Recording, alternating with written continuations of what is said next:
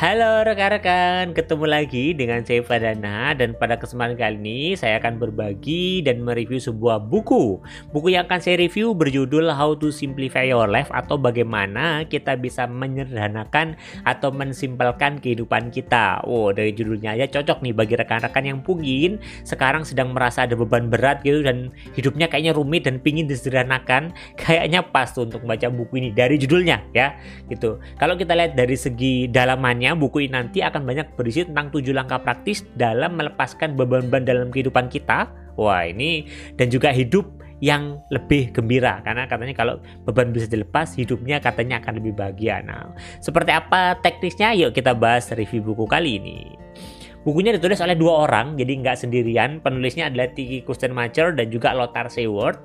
Tiki Kustenmacher itu adalah seorang penulis dan juga merupakan pastor yang juga merupakan kartunis.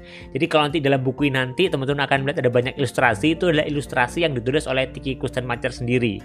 Dan salah satu buku suksesnya adalah buku yang teman-teman sekarang sedang kita review bareng-bareng ini rekan-rekan yang kaitannya dengan bagaimana menyederhanakan kehidupan kita yang sekarang itu sudah diterjemahkan ke dalam 40 bahasa dan terjual jutaan kopi gitu. Dan dia nggak sendirian menulis buku ini bersama dengan Lothar Seward yang merupakan konsultan pengembangan SDM dan banyak membahas tentang kaitnya dengan bagaimana mengatur waktu, mengelola waktu, manajemen hidup gitu ya. Makanya nanti pendekatan buku ini akan nggak jauh beda dari uh, pengalaman dari kedua penulisnya yaitu ada banyak ilustrasi menarik tentang bagaimana caranya kita menyederhanakan hidup dan juga dipandu dengan bagaimana kita mengatur mengelola waktu dalam keseharian kita. Mungkin teman-teman teman-teman mulai penasaran dari penjelasan jadi awal tadi, sebenarnya ini buku tentang apa sih? Uh, buku dibahas di bagian awal buku ini nanti ada pertanyaan tentang seberapa sering sih dalam kehidupan kita tuh kita merasa ada terbebani gitu ya dengan ada banyak pekerjaan, banyak aktivitas yang harus kita kerjakan di dalam keseharian kita.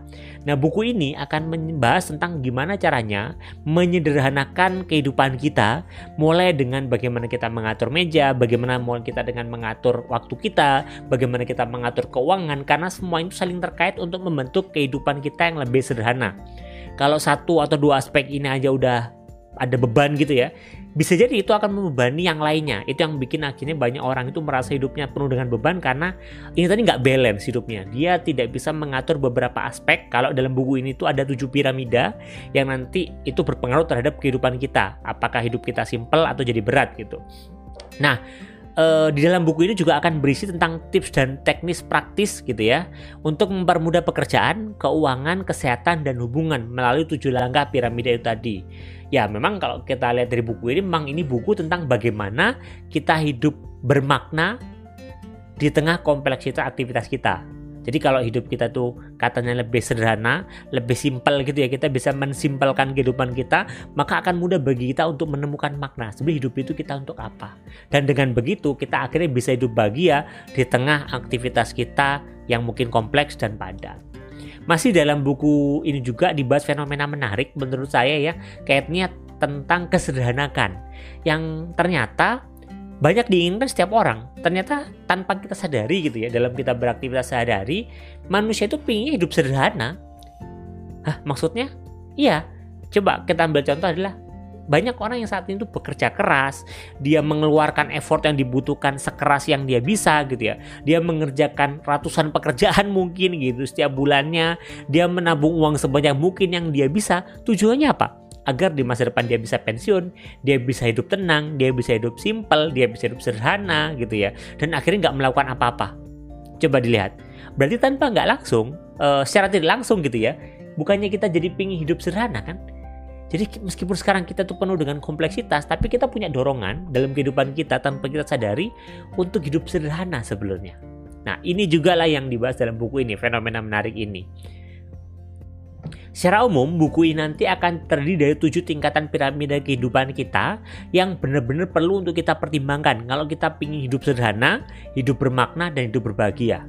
Beberapa di antaranya menurut saya yang menarik ada empat. Yang pertama adalah di tingkat pertama, tentang merapikan barang-barang, klise sih, tapi nanti kita akan bahas apa yang menarik di buku ini. Dan di tingkat kedua tentang mengatur keuangan. Nah, ternyata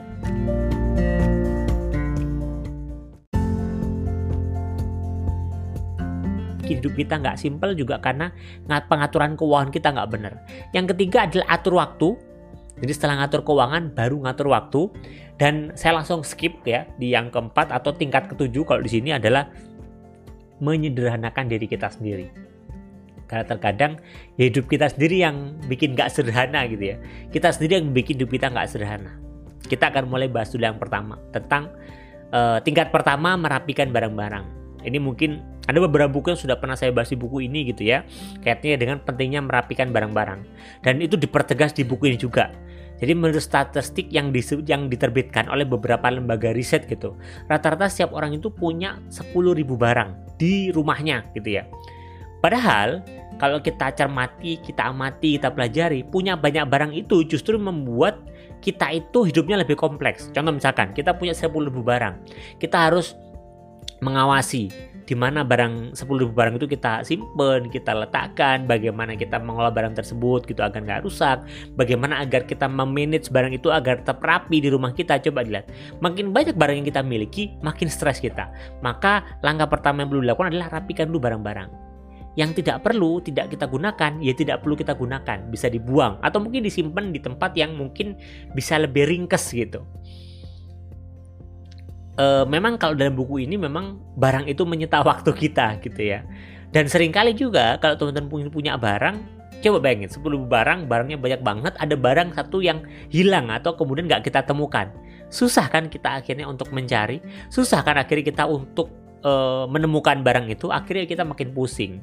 Maka kalau kita berbicara tentang menyederhanakan kehidupan, mulai dengan menyederhanakan barang-barang yang ada dekat kita dulu. Kalau di sekitar kita ada barang yang ini kayaknya nggak kita gunakan, jangan kita gunakan, ya simpen, nggak usah ditaruh di tempat terbuka yang akhirnya membuat pikiran kita jadi makin rumit. Yang kedua atau tingkat kedua adalah mengatur keuangan. Nah ini adalah keuangan ini adalah masalah yang nyata dan bisa jadi membuat hidup kita tuh kompleks banget, bikin hidup kita nggak sederhana gitu ya. Makin pengaturan keuangan kita bermasalah, maka kehidupan kita pun akan makin memusingkan, membebani, makin kompleks dan makin berpotensi untuk bermasalah. Maka kita juga perlu mengatur keuangan kita sendiri agar hidup kita itu lebih simpel.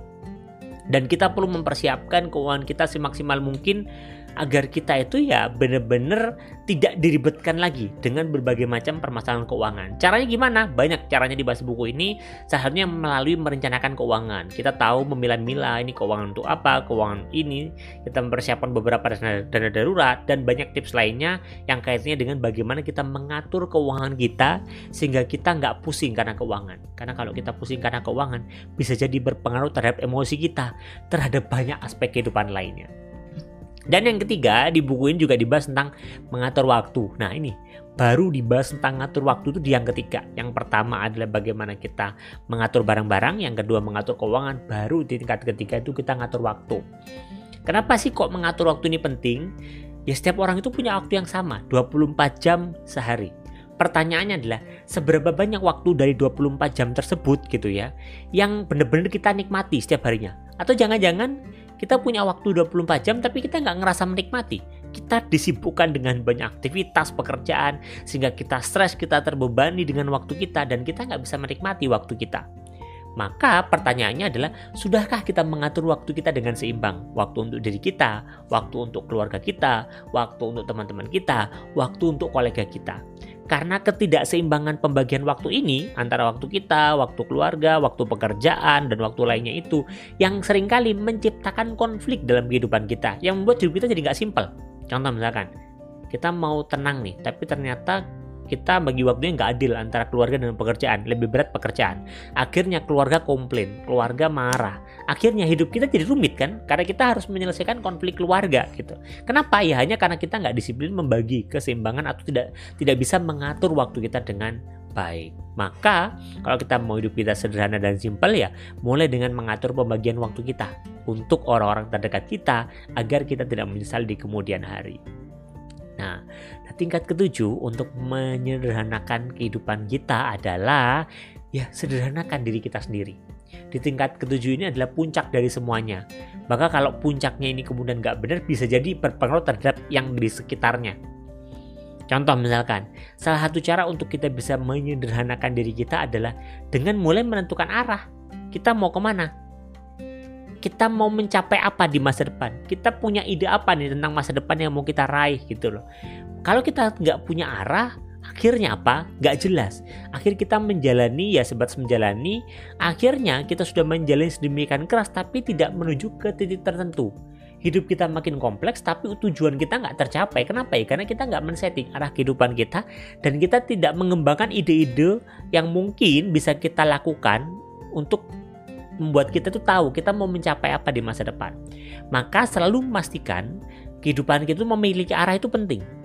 Kita tahu arah yang jelas kita mau ke mana, kita agar apa? Agar kita bisa mengeliminasi langkah yang nggak penting, yang ternyata langkah-langkah yang nggak kita butuhkan, kita buang, nggak usah kita lakuin.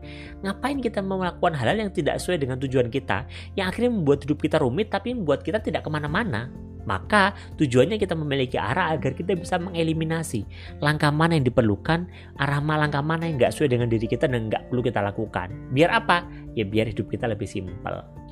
Pastikan juga kita memiliki ide pribadi tentang kehidupan seperti apa sih yang kita inginkan, biar kita tahu apa yang perlu kita lakukan untuk mencapai kehidupan yang kita harapkan tadi itu, dan kita bisa meminimalisir gangguan negatif gitu ya. Kita bisa meminimalisir hal negatif yang muncul sebelum itu muncul beneran. Jadi sebelum kita muncul potensi-potensi negatif sudah bisa kita rintangi. Hal-hal yang tidak bermanfaat ya bisa kita minimalisir karena gangguan-gangguan gitu ya, distraksi itu berpotensi membuat kita kehilangan arah. Akhirnya kita melakukan banyak hal. Hidup kita nggak simple hidup kita nggak kom nggak nggak sederhana. Ya tapi kita nggak ke mana-mana. Udah kita kerja keras tapi ternyata tidak menuju ke satu tujuan tertentu. Kesimpulannya adalah buku ini pas untuk dibaca oleh rekan-rekan yang saat ini sedang merasa hidupnya itu kompleks banget, banyak banget bebannya, masalahnya, banyak banget kerumitannya gitu ya. Dan pingin bisa rilis kerumitan tadi itu bisa melepaskan beban-beban dalam keseharian buku ini pas. Atau buku ini juga pas dibaca bagi rekan-rekan yang sekedar ingin dapat insight aja gitu ya. Nah gimana sih biar hidup saya itu lebih simpel lebih uh, santuy gitu ya tapi santunya tetap bisa mencapai satu tujuan tertentu gitu. Bisa tetap bahagia kita tetap bisa menemukan makna atas kehidupan kita. Jadi bagi teman-teman yang ingin dapatkan buku lengkapnya silahkan dicari di toko buku yang terdekat. Mungkin itu review buku saya kali ini moga-moga bermanfaat dan sampai ketemu di review buku selanjutnya